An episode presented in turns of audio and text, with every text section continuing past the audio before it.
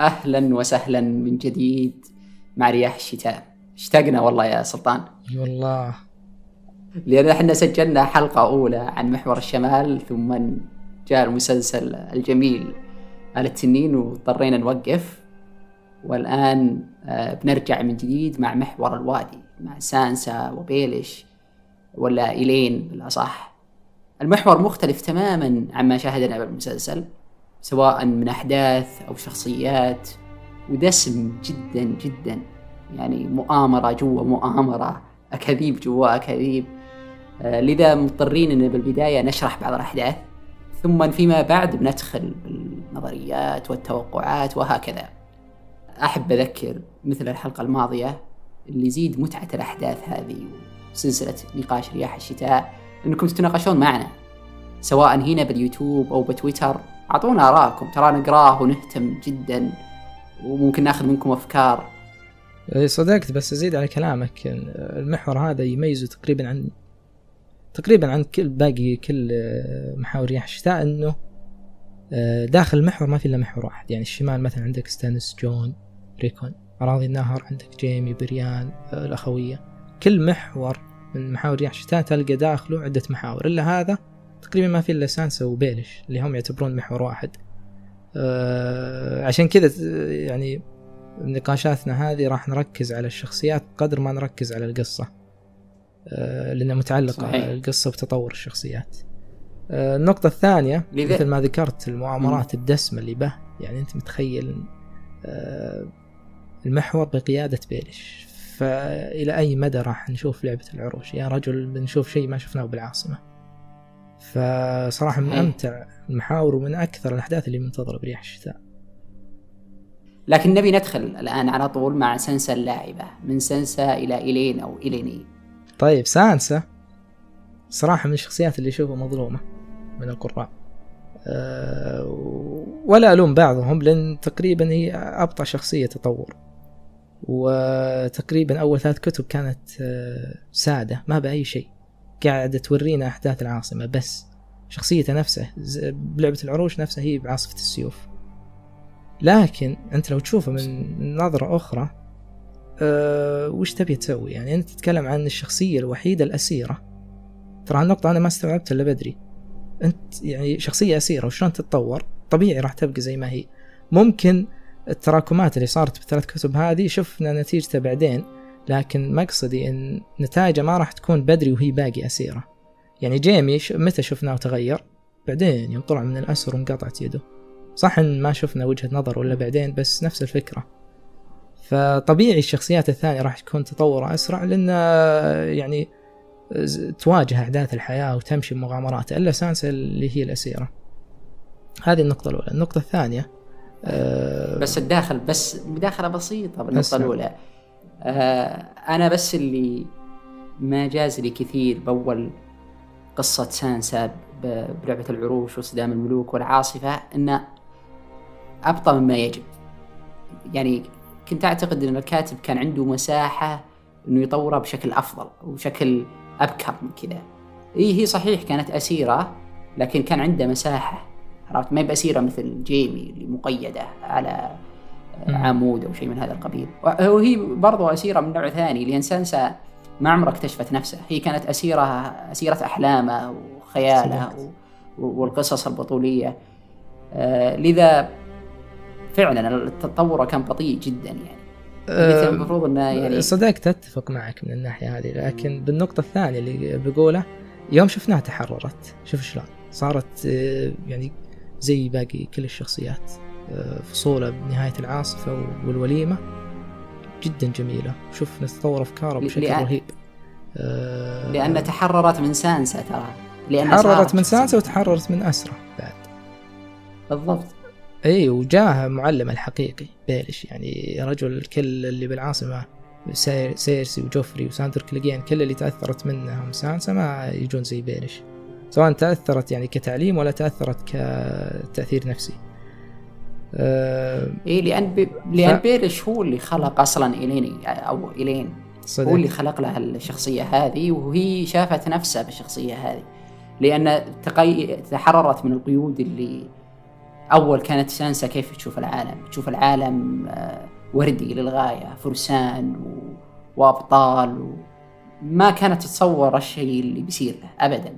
وإلى فترة طويلة جدا ما قدرت تستوعب الشيء هذا إلين صارت الين صدقت وهالشيء تشترك مع بيلش بو؟ لأن يوم صارت إليني طبعا آه، إليني ولا إليني. يا أخي؟ خل نحدد. أنا بسميها إليني. أنت بكيفك عاد. خلاص يلا إليني قدام. آه يوم صارت إليني صارت تشترك مع بيلش آه بالقناع اللي ذكرته. لأن هي قالت بيلش أحيانا أشوفه الأصبع الصغير وأحيانا أشوفه بيتر بيلش لكن اللي آه اللي ما لقطته زين إنه كانت تقول هو الأصبع آه، هو بيتر بيلش لكنه يلبس لباس الأصبع الصغير بينما هو العكس هو الأصبع الصغير لكنه يلبس لباس بيتر بيلش الودود الصديق. فهو هي نفس الشيء هي سانسا تلبس لبس إليني فحتى أحيانا آه، ترجع شخصية سانسا كذا فجأة. آه، وبرحلتها بال يوم تنزل من العش سمعت الريح عن وهي تمر بالصخور. فقالت طبعا يوم تحول تحولت فصولها إلى إليني كان كل خواطرها باسمها إلا الخاطر هذه قالت سانسا فكرت آه، أن الأصوات هذه كصوت ذئب أو كصوت عواء ذئب. فاحيانا ترجع شخصيات سانسا على بطيء آه، يوم استذكرت جون سنو بعد. فمثل ما قلت هي تشترك مع بيلش بالشيء هذا لكن الفرق إن بيلش شخصيته الأصلية الاصبع الصغير بينما سانسا شخصيته الأصلية أوه. سانسا. هو أنا الصراحة أشوف إن سانسا إلين أو إليني ما هي بشخصية مؤقتة أو قناع. أنا أشوف سانسا مثل ما ذكرت بتويتر قبل كم من يوم أنه وجدت نفسها في الشخصية هذه. سانسا قبل ما وجدت ذاته ما تدري هي وش تسوي ما تدري هي وين. كانت بيدق عرفت؟ لذا بالشخصية هذه اللي ابتكرها لها بيلش آه، بدأت تشوف العالم كما هو بدأت تكذب. بدأت تتآمر بدأت تعرف أن القصص مجرد يعني شوف يوم كانت تتكلم مع روبن يقول إني أنا أحبك ومدري إيه يتكلم بنفس كلامه قبل عن الحب وعن مدري إيه تيجي تقول له الأحمق الصبيه الأحمق تقول له. كانها تقصد نفسها يوم كانت صغيرة أو كانها تقصد نفسها يوم كانت في كينجز لاندنج لأن هي كانت نفس أفكاره تماما. لكن الحين الشخصية الجديدة إليني لا ما تخلصت من الأفكار. أي ما زالت بعض الأفكار في باله آه، يلفتون انتباه الفرسان الوسيمين أن تبي زيجة جميلة آه، تبي تكون يكون له منصب. لكن سانسا ما عمرها كانت آه، بالدهاء هذا سانسا ما عمرها كانت بالخبث هذا. ما حتى بعض جوانب القسوة اللي بنتكلم عنها بعدين مع روبن أرن كيف حتى أنه مع مرور الأحداث تتخلص من سانسا. يعني بفصل رياح الشتاء آه قالت آه عندما مات أبي تقصد ند ستارك. ثم سكتت قالت اللورد إدارد ستارك. صححت لنفسها إنه ما أبوي لا هو لورد. ترى ما هو مثل آريا. آريا بالعكس آريا مع جماعة وتزيل أي جذور لهويه الشخص. لكن شوف بالفصل الأخير آريا يوم شافت آه رجال الجبل اللي إي يوم شافت أحد رجال الجبل اللي بقائمته على طول رجعت آريا ستارك. ليش؟ لأنه فعلا هو هذا القناع. ما بإليني إليني لا إليني هوية جديدة. يعني آه، حضنتها سانسا. طيب. إليني تطور لسانسا أنا أشوفه فهمت؟ وليس قناع مزيف. لا إليني ما راح تروح ابدا. آه، مقصدي إن آريا أول شيء آه، هوياتها كثيرة. من الكتاب الثاني أو من نهاية الكتاب الأول بعد يمكن.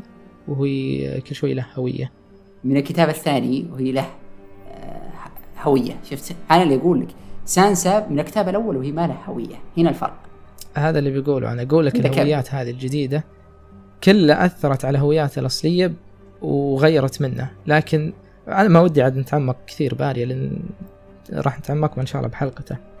أه أكيد. اللي بقوله بسانسا.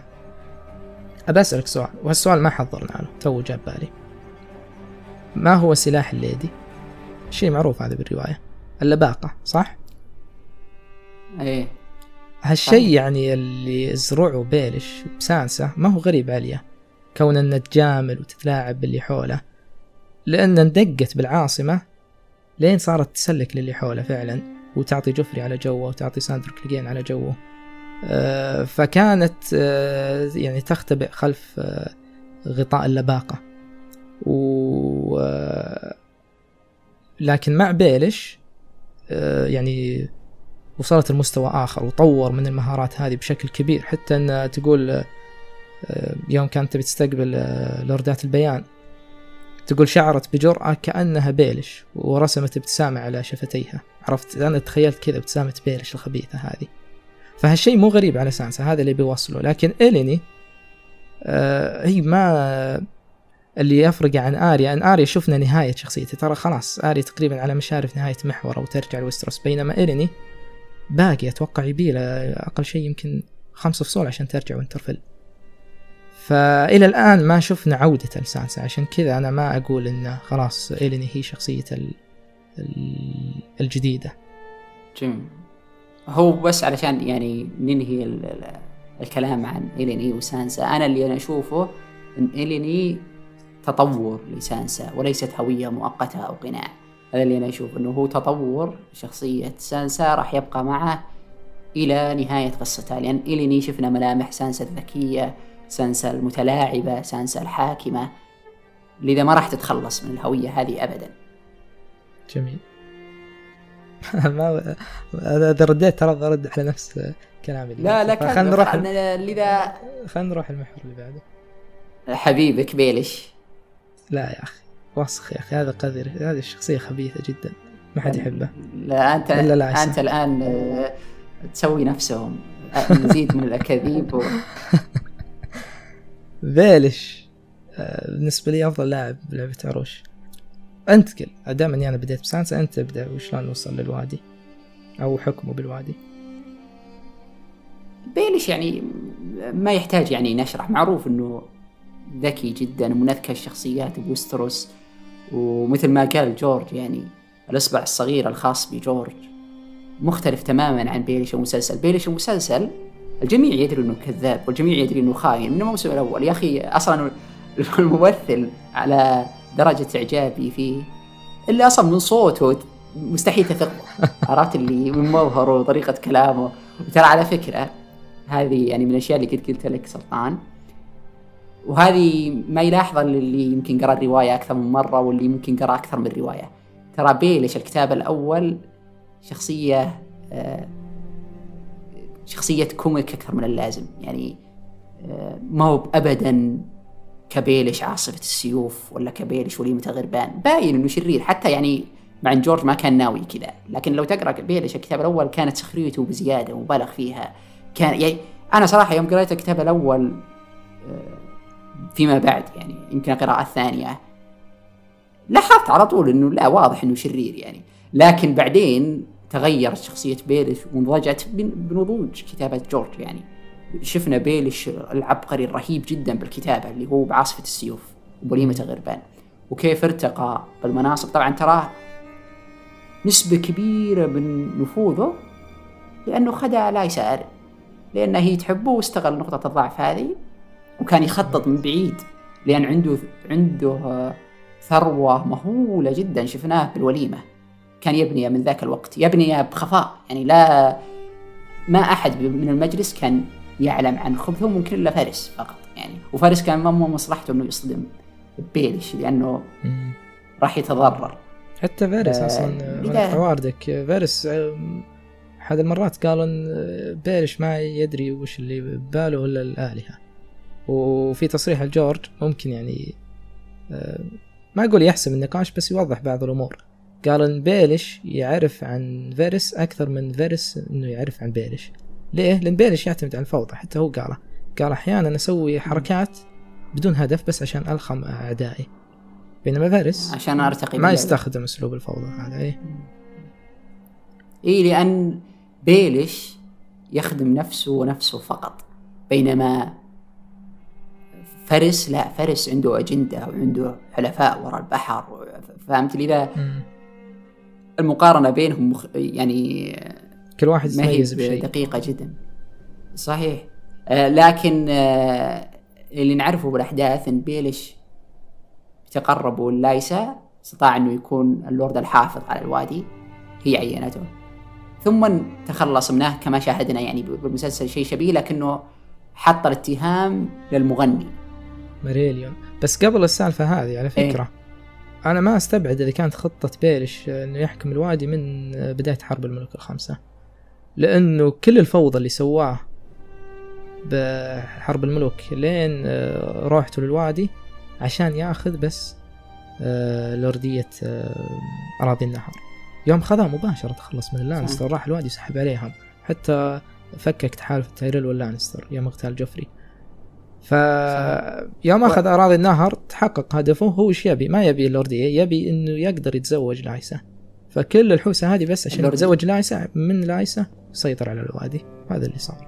ثم يوم جت الفرصة المناسبة تخلص من لايسا اللي هي عائق. تعرف أسرار أكثر من اللازم وفضحت بعض الأسرار لسانسا. المفروض سانسا بعدين تستذكر بعض الأسرار اللي تكلمت عنها لايسا لكن آه، اللوردات الكبار بالوادي ما قبلوا الفوضى هذه ولا قبلوا الإصبع الصغير مهما ارتقى يظل إصبع صغير إنه يحكمهم. لذا اجتمعوا لوردات البيان بقيادة أكبرهم وأقواهم. يون رويس يسمى يون البرونزي سيد رونستون. ومعه ست لوردات اللي هم الليدي واينوود سيدة السنديان الحديدية. وكذلك آه، اللورد بلمور سيد الغرودة آه، وفارس النجوم التسعة سيد تمبلتون هذه عائلة فروسية لكنها يعني مقامها عالي. وأيضا آه، اللورد هانتر اليافع واللورد ريدفورت حاصروا الوادي ومثل ما شفنا بيليش سوى مؤامرة مع تابعه لين كوبري استل سيفه سيدة البؤس السيف الفليري وكان يهدد الأصبع الصغير. طبعا هم متفقين. إذا استخدم الحادثة ذي علشان يتخلص من لوردة البيان. وقال لا خلاص يعني أنا بسامحكم لكن هذه خيانة. و... طبعا أغلب القراء الرواية يعرفون الشيء هذا بس إحنا نذكره علشان نمهد آه، للنظريات الجاية. وفي نفس الأحداث بس قبل لا تنسى قبل المجلس أيوة. اللي صار الحوار اللي بينهم ترى حركة بيلش ذكية غير حقت لين كوربري قصدي عرض المضاد. لأن يوم آه، قالوا تنحى ما قال لا أنا عندي الشرعية من لايسا ماني متنحي بس سكت. لا. قدم لهم عرض بديل وكأنه يخيرهم. يقول ترى ما في ترى ما فيه إلا الحرب أو الخيار البديل هذا. والخيار البديل يعني تقبلوه. قال أحكم ترى بس سنة وبسطها لهم. قال آه، أبد بعد السنة إذا ما جزت لك ما بمشي. فكأن يعني بطريقة غير واعية آه، حصرهم. قال يا حرب يعني أحكم سنة وبعدها عاد تشوفون. بينما لو قال لا يعني أنا ماني متنحي أو تبون حرب ما راح يتقبلونه. يعني خلاص مؤبدا لا راح يرجعون يدورون عليه مؤامرة ثانية. والسنة هذه اللي حطها آه، يعني شفنا خطته وشلون طيحهم واحد واحد وكسبهم واحد واحد. يعني هي هي كانت حجة واهية بس عشان يحولها من صالحه يكسب الوقت. إيه يعني بدا بالليدي آه، واينوود. هي تعتبر عائلة عريقة جدا لكنها فقيرة. راح سدد ديونهم واتفق مع الليدي آه، إنه يزوج بنته إليني من هاري الوريث اللي هو ربيب الليدي آه، واينوود. آه، وهذه أول واحدة سقطت. ثم راح لبلمور هو فاسد غالبا رشاه أو شيء من هذا القبيل. وأيضا بطريقة ما استطاع أن يسقط فارس النجوم التسعة اللي هو سير تيمبلتون سيموند على ما أعتقد اسمه أو سايموند. لذا ما بقى إلا ثلاث. يون رويس طبعا يون رويس صامد يعني ولا يمكن أن يسقط ويون رويس ترى مع شرفه ومع نبله لكن حتى هو يحاول. بنتكلم عن محاولاته بعد شوي. آه وغير يون رويس اللي ما زالوا ضد بيليش آه هانتر اليافع لكن بيليش يتوقع اغتياله من أخوه اللي اغتال أبو أبو اللورد هانتر اليافع. وكذلك اللورد آه، آه، ريدفورت وبرضه بيليش عنده وسيلة إنه إنه يعني يتخلص من ريدفورت أو يسقطه من لوردات البيان. لذا تقريبا عزل يون رويس آه، عزلوا لحاله يعني. ولا وهو لحاله مع عائلة رويس قوية ونبيلة لكن ما يمدي يسوي شيء. لأن أيضا عائلة كوبري مع الأصبع الصغير. وكذلك أسياد بلدة النوارس. لذلك عنده نفوذ كبير جدا من عائلات حتى خارج لوردات البيان أه وتحالفه مع واينوود بهاري الوريث أه يمكن أكثر طيحة هذه قوية لوردات البيان. لأنه يسيطر سيطر تأم على لقب الحافظ الأعلى كونه يزوج بنته وريث الوادي اللي راح يحكم الوادي قريبا مثل ما ندري. لأن غالبا روبرت راح يموت. فهذه بحد ذاتها أنا أشوفها جدا قوية. بما أنك أنت ذكرت الآن أن روبرت أرين أو روبن جالس يموت ليش هو جالس يموت أصلا؟ من ضمن الأشياء اللي قاعدة تصير بخبث آه، بيلش أنهم جالسين يسمونه. طبعا ما بتسميم مباشر بيلش يقدر يقتله بلحظة لكن جالس يقتله قتل بطيء لأنه أصلا هو جسمه ضعيف وهو أصلا آه، ما هو مستصح. وسانسا أو إلين أو إليني تدري عن الشيء هذا وماشية مع آه، خطة آه، الإصبع الصغير. لا وقالت للميستر إنه يسقيه الدواء هذا اللي هو خطر على حياته. وش يسمى هو حلو حلو الكرة. قبل لا ينزلون من العش قالت إنه ما عليك المهم إنه آه، ما تجيها الرجفة لكن الرجفة عذر. بينما بالحقيقة سانسا تدري إنه جالس يموت لكن يعني لها اقتباس حتى تقول أنا وأبي نحمل هموم أكبر. روبن ارن لازم يموت. حتى بيلش قال لها بشكل مباشر. قالت إذا مات روبرت راح يرث هاري. قال مو إذا مات قال عندما يموت. فكان موته محتوم. بالضبط. وهذه بعد من النقاط اللي تطور شخصية سانسا انها تلمذت على بيلش مو بس وشلون تكذب على غيره وشلون تمشي يعني بما فيهم بيلش كذبت عليه. لكن كذلك مشاركته بألاعيب ومشاركته بلعبة العروش. يعني ترى هي تعتبر مشاركة بجريمة قتل لايسا ومشاركة كذلك بقتل روبرت أرين. فهي قاعدة تساعده مو هو بس قاعدة تتعلم منه. فهذا ترى يعني أنا ما استوعبت إلا بعدين قلت يا أخي فعلا سانسا الحين قاعدة تقتل وقاعدة تتلاعب كأنها بيلش. تحس إذا هي لابد تنجو لازم تمشي مع السباس. يعني هي اللي قاعدة تسويها الآن صح؟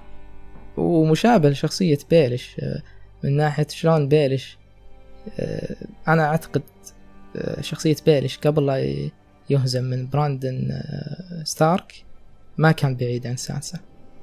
لأن تخيل يعني آه، وليد متواضع من الأصابع يحلم أن يتزوج كاتلين. هذه هي الأحلام الوردية اللي عند سانسا. لكن يوم انكسر من براندن ستارك وعرف أنه ما في أمل يتزوجه تغيرت شخصيته وصار الأصبع الصغير يوم راح الوادي نفس الشيء سانسا يوم انكسرت بالعاصمة تتلمذت على يد بيلش صارت إليني فالتشابهات مع بيلش يعني كثيرة. طيب من هو هاري الوريث؟ يعني من نسل الأرن من نسل الإناث الأرن. أه شجرة طويلة اشرحها بيلش لكن بالمختصر هو راح يكون يرث الوادي بعد أه روبرت أرن عشان كذا كل أه أطراف المؤامرات اللي بالوادي يحاولون يتقربون منه. يون رويس شفناه مثلا ينصبوا فارس وفوزوا ببطولة أه بيلش هذه كانت مؤامرة يون رويس ترى المضادة إيه يعني مو هو بسيط. وبيلش بيزوجه بإليني وواين وود تعتبر آه، ربيبته. فكل طرف يبي يسيطر عليه. وراندا رويس اللي هي من الفرع الأدنى كانت تبي تتزوج من آه، هاري الوريث حتى كانت تلوم سانسا تقول يعني إنه هذا آه، كان خطيبي أو إنه أنا كنت ناوية عليه. الفرع الأدنى من الرويس اللي بيلش كاسبهم الآن تماما اللي هم اللي لوردهم هو نستور رويس أولياء بوابات القمر. الآن صارت لهم أعطاهم إياه بيلش مدى الحياة عشان يكسب ولائهم كيف الخطة أنه جذب هاري الوريث لأنه مثل ما قال سلطان يون رويس اللي من الفرع الأعلى من عائلة الرويس اللي من لوردات البيان أقام بطولة وأعطى هاري الوريث الفروسية. ممكن أنه مخطط أنه يزوجه من أحد بناته لأن عنده بنتين صغار. لكن سانسا فكرت ببطولة تقام بوابات القمر. والفرسان الفائزين بالبطولة ذي يكونون فرسان يسمون الفرسان المجنحين ويحمون اللورد روبن أرين. وحتى إنه قال آه، روبن إنه أبيهم ثمانية عشان أكون أكثر من تومن لأن تومن عنده الحرس الملكي سبعة. آه، الفكرة جازت البيلش مرة لكن ما بنفس الأهداف سانسا كانت فخورة بنفسها أو إليني تقول يعني إن الفكرة رهيبة وفعلا كل الفرسان جو من أنحاء الوادي حتى جو جو فرسان من آه، الأخوات الثلاث اللي هم يعني ولاهم ما مرة قوي عائلة الإرن. آه، ولا هم فرسان حقيقيين يعني لأنهم أهل البحر. لكن بيلش يبي يستغل الفرصة ذي عشان يجي شخص واحد اللي هو هاري الوريث وبسبة شرف يون رويس ما يقدر يمنعه من الحضور. آه، حتى بيلش كان له مقولة هنا يقول بعض الأحيان الشرف والحماقة تعنيان الشيء نفسه. ويون رويس ما كان يقدر يمنع هاري الوريث علشان ما يعني يزعله. لكن إذا هو جاء عند الأصبع ما راح يطلع من جديد. وهو يبيه يقابل إليني أو سانسا. وفعلا الواين وود جو كلهم ومعهم هاري الوريث وجو فرسان من كل العائلات. حتى من ضمنهم آه، لوردات البيان فرسان أبناء لوردات البيان اللي ما زالوا معارضين لعائلة آه، قصدي البيلش. على سبيل المثال مايكل ريدفورت اللي هو زوج آه، بنت يون رويس ومن عائلة ريدفورت لذا إذا هو فاز بالبطولة ذي وهو يعتبر من أقوى الفرسان بالوادي وغالبا بيفوز وش راح يصير؟ راح يصير رهينة البيلش مثل ما كان جيمي رهينة للملك المجنون يوم فاز بالحرس الملكي. هو وباقي الفرسان السبعة. لذا بيلش أمن مكانه بشكل قوي جدا بالفكرة العبقرية هذه اللي هي فكرة سانسا بالأساس لو لو إن نوايا بيلش مختلفة تماما. إي صدقت. عاد هنا مع البطولة هذه تنتهي كل أحداث التمهيد. هنا يبدأ هنا تبدأ فصول رياح الشتاء. وش الأحداث اللي ممكن صحيح. تصير بالوادي؟ اولا مصير البطولة. عطنا الاحتمالات اللي تصير بالبطولة. في عدة احتمالات. طبعا سانسا قابلت هاري كان متعجرف بالبداية ثم آه تقربت منه وحاولت تغريه كليدي جميلة وهو فعلا عجب به لكن المفترض إنه يفوز. فيه نظريات عديدة. من ضمنها إنه الرويس بقيادة آه راندا رويس.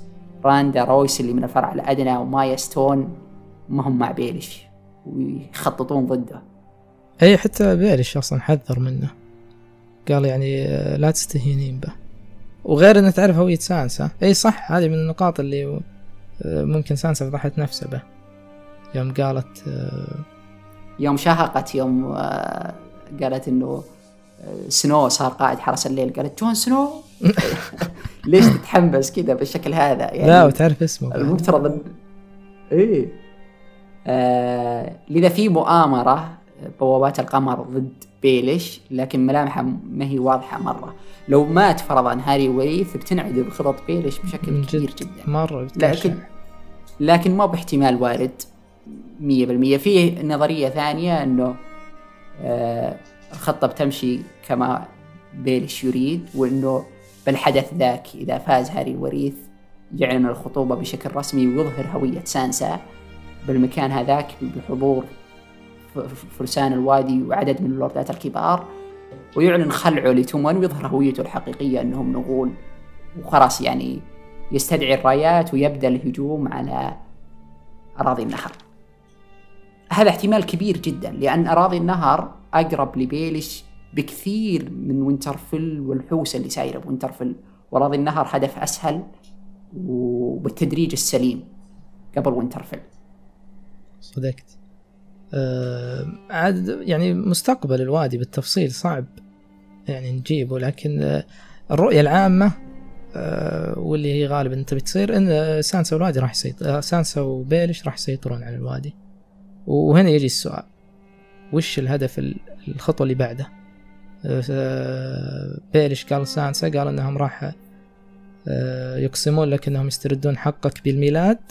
بعدين وش قال؟ قال وينترفيل فحقه بالميلاد ترى غير وينترفيل ريفر ران وهو الأقرب. هو يعني كونه السيد الأعلى لأراضي النهر يعني مثل ما قلنا استخدم هالشيء هذا كأداة بس عشان يتزوج لايسا وبعد خلعه للانستر راح آه، كأنه ما يعترف يعني ما حد راح يعترف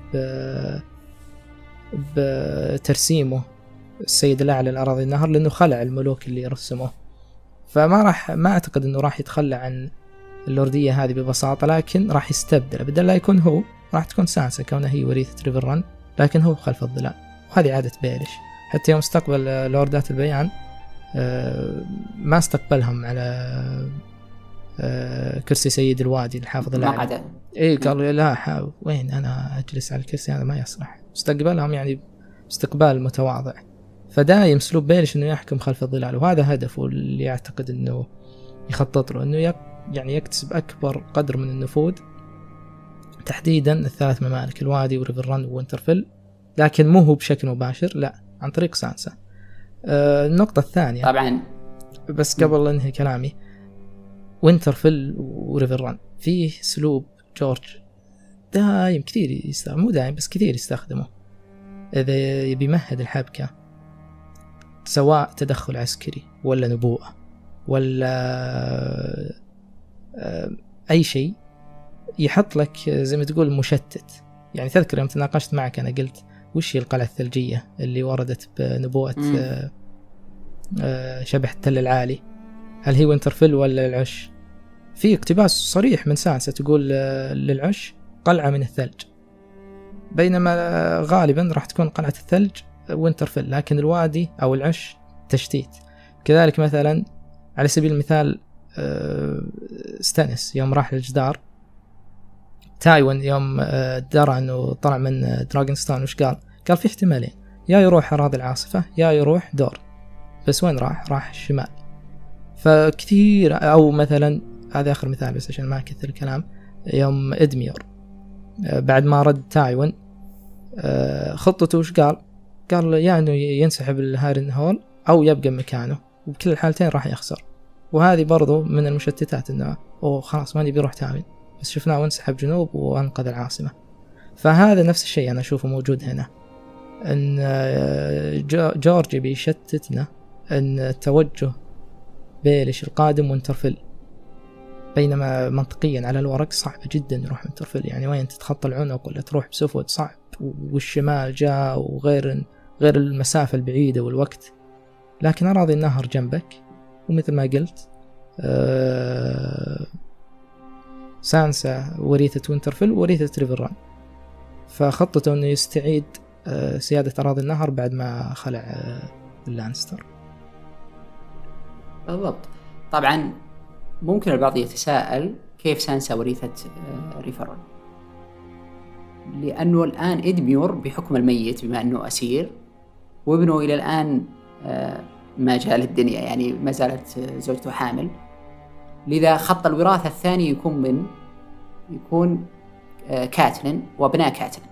كاتلين ميتة وروب ميت لذا سانسا هي أكبر الورثة لأن كاتلين أكبر من لايسا. آه، لذا حتى لو روبرت أرين ما زال حي سانسا هي الأحق بالوراثة وسانسا أحق من بلاك فيش لأن الأبناء يأتون قبل العم.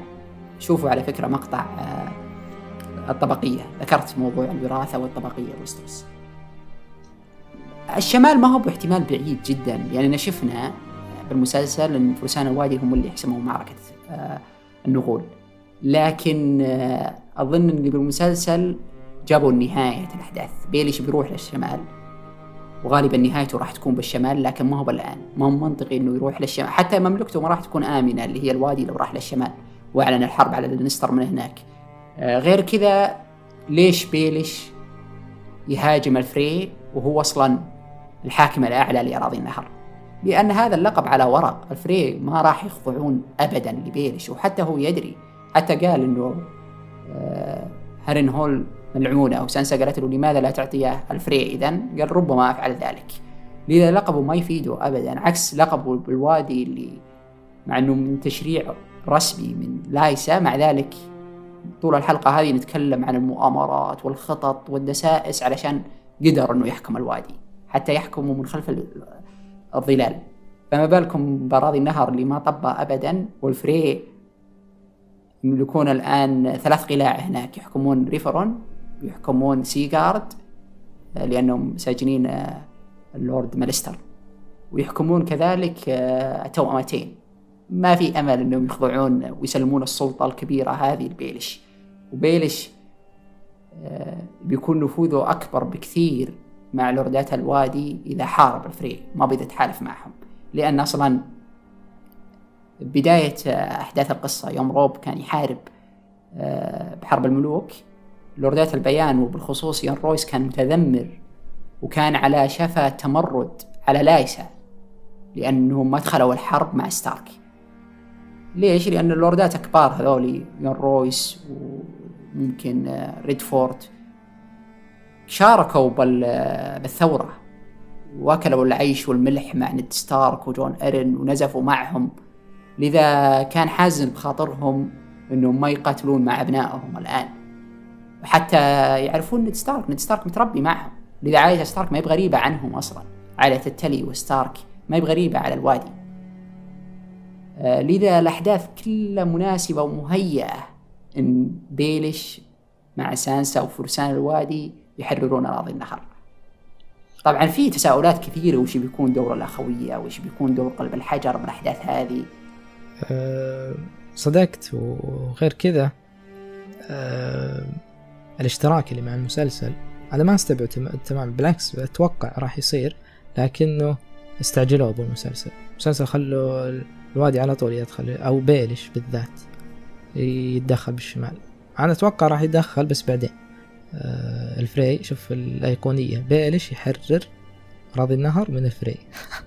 هذا من اللي يتوقع تصير. فيدخل بالشمال ويحاول يلعب لعبته اللي شفناه بالمسلسل. شلون يحاول اي يوسوس لسانسا ان انت أحق من جون أو ممكن يكون بعد ريكون موجود بالمشهد. فراح يكون في خلاف على الوراثة بالشمال. مو خلاف إلى حد الحرب لكن المقصد إن بيلش راح يستغل الثغرة هذه كون فيه أكثر من وريث للشمال ويحاول يبسط نفوذه عن طريق سانسا. أكيد طبعا. آه لكن هنا يجي اكتمال شخصية سانسا. بعد ما طبعا وهنا نجي للمحور الأخير اللي هو نهاية بيليش ومصير سانسا. إيه. فبعد ما تروح الشمال خلاص. آه صار اللاعب هو الملعوب عليه. سانسا هي اللي راح تمشي الأمور البيلش وإنه يعني نفس اللي بالمسلسل تقريبا. تتحقق النبوءة اللي قالتها اللي يشوفه يعني من النظريات الواضحة جدا. اللي هي حلمت بفتاة في مأدبة في شعرها أفاعي أرجوانية يتقطر الزعاف من أنيابها وفيما بعد حلمت بها ثانية تصرع عملاقا متوحشا في قلعة مبنية بالثلج. اللي هي وينترفيل. يعني كان جورج يقول إذا ما اقتنعت تقتنع الحين. يوم آه، سانسا كانت تبني قلعة وينترفيل بالوادي من الثلج. و... وانقطعت الدمية حقت روبرت ارن طبعا روبرت ارن إيش كان يقول؟ كان يقول هذا عملاق. فقطعت رأسه. بعد ما انقطعت حطت رأسه بغصن وخوزقته على اسوار وينترفيل فضحك بيلش قال هذا؟ يبدو لي إنه مو أول عملاق يتخوزق على اسوار وينترفيل طبعا إيش علاقة بيلش والعملاق؟ آه رمز عائلة بيلش اللي هو عملاق برافوس. أنت قلت ان جورج؟ آه يصنع آه، تمويه. لأن كثير يتصور يقول لا ممكن قلعة مبنية بالثلج اللي هي العش. لأن ذكرت نصا وخبر انت قد سألت قلت طيب العش مذكورة ان قلعة من الثلج حرفيا. العش تكون غير مأهولة إذا حل الشتاء. خلاص يعني وطريق الجبل ينسد تماما. لذا ما يبقى قلعة مبنية من الثلج إلا وينترفل و... والاقتباس الأخير هذا المفارقة الجميلة جدا. بيلش ذكر مصيره تماما. إنه لن يكون أول عملاق يخزق على أسوار وينترفيل. معناته العملاق الجاي أنت. إيه يعني شوف شلون السخرية. يعني شيء جميل جدا. بيكون شيء رائع لو سانسا تستذكر الاقتباس هذا. طيب نجي الحين لآخر حدث. ليش أو كيف ممكن بيلش يسقط على يد سانسا؟ وليش سانسا تنتظر إلى وينترفيل؟ لأنه لو نشوف الأحداث الآن ونشوف تحول شخصية سانسا إلى شخصيتها الجديدة إليني هي تعرف أنه الآن أبدا ما من مصلحتها أنها تقلب على على بيلش كانت تقدر أنها تعترف لوردات البيان وراح يقبضون على بيلش بوقته أو راح يعلنون الحرب ويتخلصون منه لكن هي قاعدة تشوف إنه لا بيلش قاعدين يفيده وفعلا قاعدين يفيده. عن طريق بيلش أو خطط بيلش اللي هو يعتقد إنه تصب مصلحته فقط تحرر أراضي النهر آه، بترجع الوينترفيل صنعت لنفسها مكانة جدا كبيرة. لذا من ذكاء ودهاء سانسا ان ما تتخلص من بيلش إلا إذا وصلت للنهاية. بعد ما تستفيد إذا خلاص. إلى أقصى حد. بالضبط. آه، غير ان تستنزفه إلى أقصى حد. إذا قلبت انقلبت عليه بالوادي ما راح تستفيد. راح يعني آه، اللي يبي يحكم الوادي بعد بيلش تلقاه مثلا يبي يتزوج سانسا ولا يبي يستفيد منه سياسيا من مصلحته. بينما لو انقلبت عليه بعدين خلاص أنا إذا انقلبت على بيلش أنا لي السلطة. أنا حاكمة ريفرون أنا حاكمة وينترفيل فما راح تنتظر واحد ثاني ينقذ غير بيلش فأسلم. بيلش دايم ما يخلي العاطفة تتحكم فيه. لكن مشهد واحد وليمة الغربان أول مرة أشوف بيلش يفقد السيطرة على نفسه. وهنا يبين لك كيف سانسا نقطة ضعف لبيلش حتى لا إراديا. يوم أنها كانت تبني القلعة الثلجية آه، كان يعني يظهر مشاعر عاطفية أو جنسية لسانسا بشكل غريب وكأنه ما هو بيلش حتى سانسا كانت تصرخ الين تدخل روبرت ارن و... وأوقف هذا المشهد لذا هذا الوحيد هذا. تذكر أنت ال... اي تذكر هل عمرك شفت بيلش بالشكل هذا من قبل؟ أي صدقت تحسه فقد السيطرة. وهالشيء أكد جورج. قال بيلش له آه، يعني تحس عنده انفصام. مشاعر متقلبة تجاه سانسا. يقول مرات يشوفه آه هذه بنتي اللي المفروض تكون لي لأنه كان يحب كات. لكن مرات يشوفها هي كات الصغيرة لأنه حب كات فسانسا تشبه كات. لكن مرات يرجع لطبيعته يقول لا يرجع لإصبع الصغير وهذه مجرد قطعة بلعبته. فتقلبات آه، مشاعره هذه هي اللي تبي تسقط. وشلون؟ لأنه قاعد يفضح خططه قدام سانسا وقاعد يعلمه غير إنه يعلمه قاعد يثق به مع يعني موكلة صلاحيات كبيرة وكان يحسبه آه، باقي آه، الطفلة البريئة. ف... ولا عنده قيد على سانسا. يعني شوف عاصفة السيوف ما عنده أي شيء. يعني هو ممكن يعتقد أنه لا سانسا تحتاجه. يعني فعلا هذا القيد اللي سانسا الوحيد أنها هي تحتاجه. ولا يمكن أن تتخلى عن بيلش. لكن غير ذلك إذا وصلت مرحلة طيب ما تحتاجك راح تتخلى عنك بكل بساطة لأن ما عندك نفوذ على سانسا. اللي هو بيلش ما عنده هاك النفوذ الحقيقي. ما عنده هو الارتباط اللي ما بينهم إنه كل واحد منهم يحتاج الثاني. وسانسا بالذات حاليا أكثر من بيلش لا حقيقة بيلش يحتاجها حتى يعني يحتاجها عشان يبني وهمه للسلطة. ومن الاسباب برضو اللي تخلي بيلش يسقط إنه ما يعرف يكتفي. دائما يرغب بالمزيد. فعليا يعني صار لورد هارن هول ثم صار اللورد الحافظ على الوادي ثم يبي يحكم أراضي النهر بالكامل خلف سانسا ثم يبي يحكم الشمال ثم عاد معروف. هدف بيلش الأخير إنه يبي يوصل للعرش الحديدي غالبا. ففي نظرية تقول إن ممكن بيلش يستخدم سانسا ويزوجه بجريف. فيعني مو بس الوادي وراء لكن... البحر لا يبي حتى العرش بعد.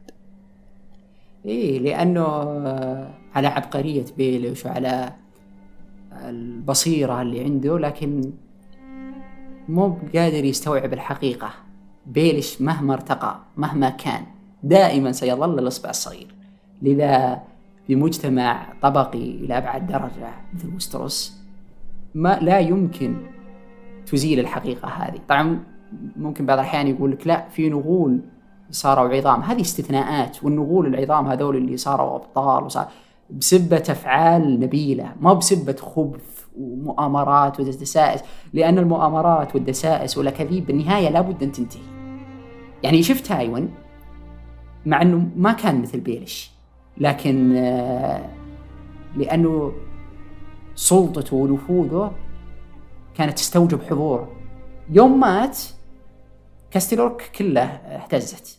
لذا في أشياء ما تقدر تكسبها مهما كنت داهية مهما كنت خبيث مهما كنت. كل هذه مكاسب مؤقتة. أي صدقت. بس أشوف أنا بيلش مستوعب هالشيء هذا على فكرة. آه، عشان كذا هو يحكم بالظلال لذلك يشوف السبب الأكبر. سقوطه هو حبه لسانسا ومناسب يسقط من نقطة ضعفه اللي هي الحب أكثر من إنه يسقط بنقطة قوته اللي هي لعبة العروش. صحيح أنت صادق لكن إذا أنت كنت بالظلال يعني ما تقدر لازم تكتفي بمرحلة ما يعني لا ما تقدر تكبر اللقمة أكثر من اللازم. آه لذلك هو ينظر لك كلعبة تحسه يستمتع باللي قاعد يسويه. أنا مرة متشوق إني أشوف نهايته. برياح الشتاء وأنا متأكد انه بينتهي برياح الشتاء يعني. ما أدري. أحسه بدري على نهايته لأن قدامك راضي النهر وقدامك الشمال. ممكن يعني بداية حلم الربيع. لكن على العموم هو ما نتفق عليه إنه راح ينتهي. الله الله. عموما أعتقد وصلنا النهاية. امم نعم. عندك شيء تقوله ولا؟ لا لا أبد. قلت كل اللي عندي. يعطيك العافية. أتمنى أن الحلقة أعجبتكم. آه يا ريت مثل ما قلت تكتبون آراءكم بالتعليقات بتويتر. تشاركونا توقعاتكم. ونشوفكم على خير بإذن الله بالحلقات القادمة.